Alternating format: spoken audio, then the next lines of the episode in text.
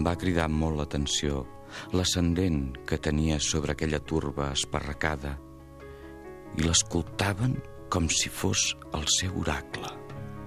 Per fi, quan vaig poder esquitllar-me i puc dir, en veritat, que dec la vida en la moneda, vaig córrer cap a la torre de Sarrià, on aleshores vivia amb la tieta.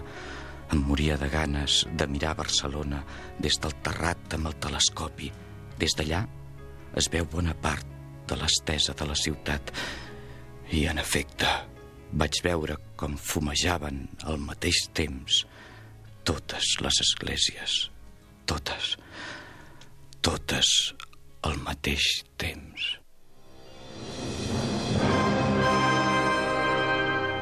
Catalunya Ràdio presenta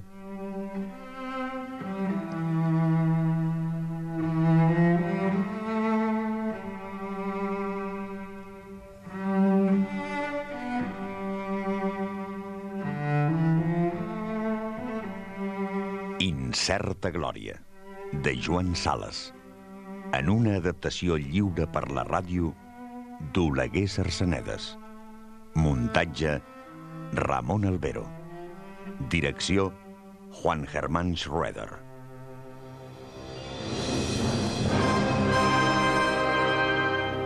Incerta Glòria, de Joan Sales. Una producció de Catalunya Ràdio amb el suport del Departament de Cultura de la Generalitat de Catalunya. Extra, 15 artistes catalans al Palau Robert de Barcelona.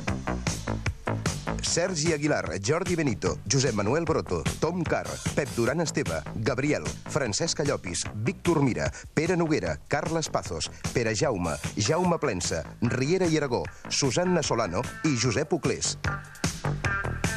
Extra, 15 propostes artístiques d'intervenció en un espai. Palau Robert de Barcelona, del 22 d'abril al 24 de maig. Organitzat pel Departament de Cultura de la Generalitat de Catalunya amb el suport de Catalunya Ràdio. Catalunya. Endavant amb la cultura. Capítol 48. L'èxit i el fracàs.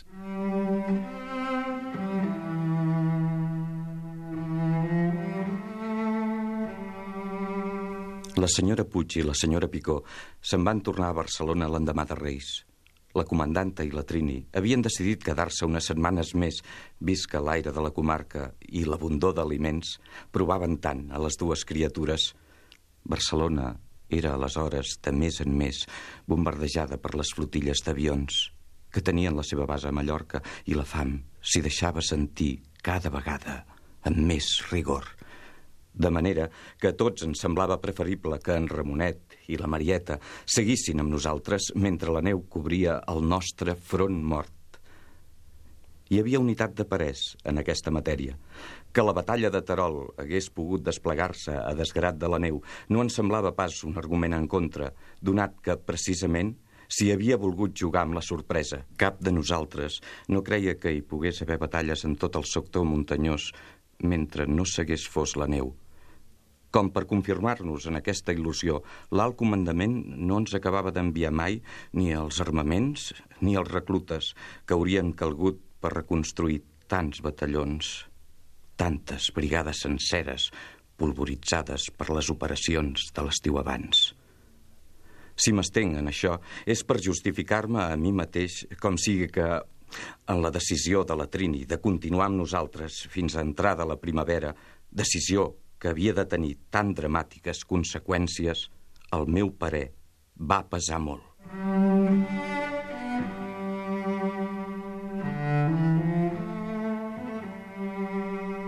Alguns dies després de Reis, jo havia pujat a Santa Espina per passar-hi el dia.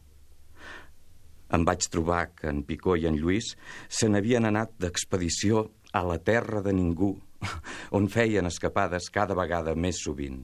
La Trini, doncs, estava sola amb el nen aquell dia.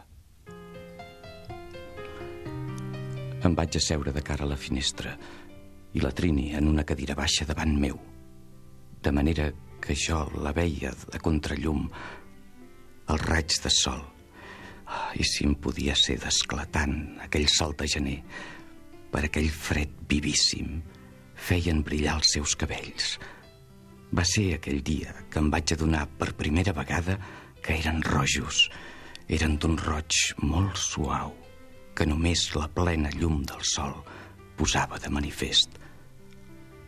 En Ramonet va venir a demanar-me que li fes un ninot de cartolina, però la seva mare li va manar que ens deixés tranquils. Volia parlar amb mi. Estic contenta. No havia vist mai el nen amb tan bons colors.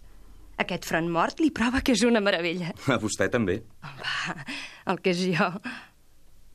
Es va fer un silenci que, inhàbil com sóc, jo no sabia omplir. No comprenia cap on apuntava ella el perquè d'aquell interès a parlar-me a soles. Em sentia bé en aquella sala a prop seu. Com ha canviat tot això d'ençà que hi és ella, pensava. Vet aquí que aquesta sala ha estat tocada com amb una vareta màgica. Ara et venia la sensació de trobar-te en una casa bona de pagès, rústica i patriarcal. S'hi respirava un intens perfum d'espígol, perfum de camps i de boscos, pensava jo, perfum de casa gran i de jove mestressa. Per primera vegada m'adonava d'això, que sense tenir-ne cap consciència, la Trini semblava nascuda per ser la mestressa d'algun gran casal antic i noble. Em sentia bé en aquella sala, prop seu, fins i tot callats, tots dos. El que és jo no sóc més que una fracassada. Una fracassada? Una fracassada? Això només depèn de vostè. Vostè creu que és a causa de la meva ruptura amb el Lluís que ho dic? Per favor. La vida és absurda, però no fins a aquest punt. D'en Lluís tant se me'n dona. La seva mirada tenia una duresa metàl·lica. Vostè coneix el meu germà?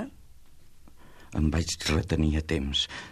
Jo no sabia quasi res d'en Llibert Milmany en aquella època, si no és a través d'aquelles cartes. En Lluís l'odia. En això té raó, jo l'odio tant com ell. Vet aquí un punt en què en Lluís i jo estem d'acord. En Lluís me n'havia dit alguna cosa. En Solaràs també. I Perdoni si li parlo d'en Solaràs. Perdonar? Si precisament és per parlar d'en Solaràs que l'he fet seure aquí amb mi. Tinc tantes ganes de parlar-ne amb vostè. Però parlàvem ara del meu germà Llibert, que és tot el contrari d'en Solaràs. En Llibert és de la raça d'aquells que només creuen en l'èxit. Conec aquesta raça, però qui sap si en Llibert... Deixi, li prego, la caritat cristiana de banda. Si hem de parlar d'en Llibert sense faltar la caritat cristiana, serà molt avorrit. En Llibert, com li deia, és tot ell de la raça dels triomfadors. Per ell, tota fe religiosa o no, no pot ser més que un consol de fracassats. Un opi pel poble immens dels fracassats, em va dir ell mateix un dia amb aquestes mateixes paraules. Perquè és enfàtic, sap? És d'aquells que s'escolten quan parlen. Tots els d'aquesta raça són així. La retòrica se'ls menja. I bé, detesto la raça dels triomfadors tant com m'estimo la dels fracassats. Quan li he dit «soc una fracassada», volia dir «pertanyo a la raça d'en Solaràs». Ja veu que li dono jo mateixa una pista. Però en Lluís no s'assembla gens en Llibert. No té res d'un triomfador d'aquests. En Lluís? que poc el coneix. Vostè s'hi equivoca, Cruells, amb el Lluís. Com m'hi vaig equivocar també jo, per desgràcia. De moment en Lluís s'interessa més per les dones que pels bitllets de banc. Els seus èxits són d'una altra mena, però és que no es tracta en el fons de la mateixa cosa? Per què només mesuraríem l'èxit amb els diners? El món és gran i variadíssim. Hi ha molts altres objectius igualment egoistes. Ara vostè li té odi, i l'odi és com un mirall estrafet que tot ho deforma. Un dia vostè m'haurà de donar la raó. En Lluís amaga un fons de rapacitat que fins ara només s'ha manifestat amb les dones. Però deixem-ho de banda. Parlar d'en Lluís m'estaborneix. Jo no volia pas parlar-li d'en Lluís ni d'en Llibert, concretament, sinó de la seva raça en general. D'aquesta raça dels triomfadors que em fa fàstic. Tot el que no sigui l'èxit són romansos per ells. I per ells no hi pot haver èxit que valgui si no és en aquest món i encara ràpid. Que no trigui, que no es faci gruar gaire. Ara bé, vostè ja sap que jo sóc geòloga. Diguem més modestament, professora de geologia. En geologia, els segles són un sospir. I els mil·lenaris un somni. No és sinó el milió d'anys que comença a tenir una mica de consistència per nosaltres. No, no penso clavar-li la lata parlant-li de geologia. L'únic que em pregunto és quin sentit pot tenir en geologia l'èxit d'un d'aquests triomfadors. Menys potser que el d'un mosquit del carbonífer que va reixir a fossilitzar-se dins una gota d'ambre? Jo mirava per la finestra i callava. Feia un esforç per endevinar què em convenia dir. Com m'ho faria per dur la conversa cap on jo volia. L'altre dia em venia a la memòria aquell dinar de gala de billar. Vostè m'hi havia parlat dels desgraciats que neguen descaradament que ho siguin. N'hi ha molts, em va dir vostè. La gent s'estima més passar per descarada que per desgraciada. N'hi ha més d'un que prefereix que el prenguin per un viu o fins i tot per un canalla que no per un desgraciat. Fixis, em deia vostè, el sentit despectiu que han pres o acaben prenent totes les paraules que signifiquen digne de compassió. Començant per miserable i seguint per infeliç, desgraciat, lamentable... Ens avergonyim de la desgràcia com del ridícul més aclaparant. Vostè em va dir això, entre moltes altres coses, aquell dia del dinar al billar. I ahir em tornava tot plegat a la memòria. Em va parlar també molt d'aquell professor seu del seminari, que ara no em ve el nom. No em va dir que era el mateix jesuïta que havia estat director de la congregació quan en Lluís n'era? En Lluís me n'havia parlat alguna vegada d'aquest pare Garrofa o Pallissa o com es digués, però en termes tan diferents de vostè. Aquell dinar de gala va acabar d'una manera deplorable, però ara estàvem parlant d'altra cosa. En el fons, estic d'acord amb vostè, només que no hauríem d'exagerar. Hi ha èxits legítims. Patir el fracàs amb resignació és de bons cristians, però buscar-lo expressament seria semblant al suïcidi. Era aquest un dels errors d'en Solaràs. Semblava que es proposés expressament fracassar en tot, i això no és cristià, perquè no és humà. Una vegada va arribar a dir-me Si no m'ha vagat mai de suïcidar-me, és perquè prefereixo ser un suïcida fracassat. El fracàs fins en el suïcidi. Potser no era més que un estirabot, com tants en deia, però sovint els seus estirabots amagaven un fons real. I excusi'm altra vegada si li parlo tant d'en Solaràs. Excusar-lo? Però sí, ja li he dit. És precisament d'en Solaràs que vull parlar-li. És que està prohibit parlar d'en Solaràs? En aquell dinar de gala em va semblar que a vostè no li agradava que se'n parlés. Sí. La Trini callava tot mirant-me. Què imagina que hi ha entre en Solaràs i jo? Oh, res. Res. Segur.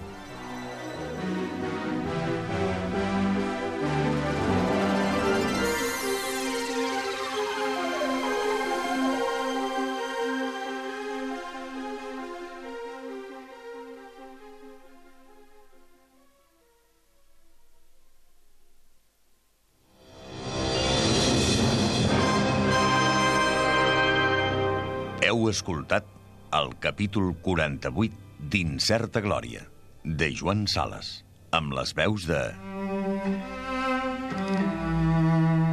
Cruells, Enric Major. Trini, Margarida Minguillón. Solaràs, Enric Pous.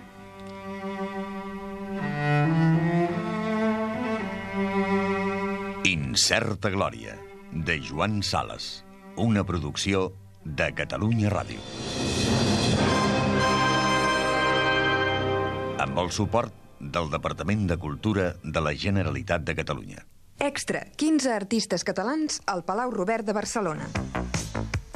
Sergi Aguilar, Jordi Benito, Josep Manuel Broto, Tom Carr, Pep Duran Esteve, Gabriel, Francesc Llopis, Víctor Mira, Pere Noguera, Carles Pazos, Pere Jaume, Jaume Plensa, Riera i Aragó, Susanna Solano i Josep Uclés.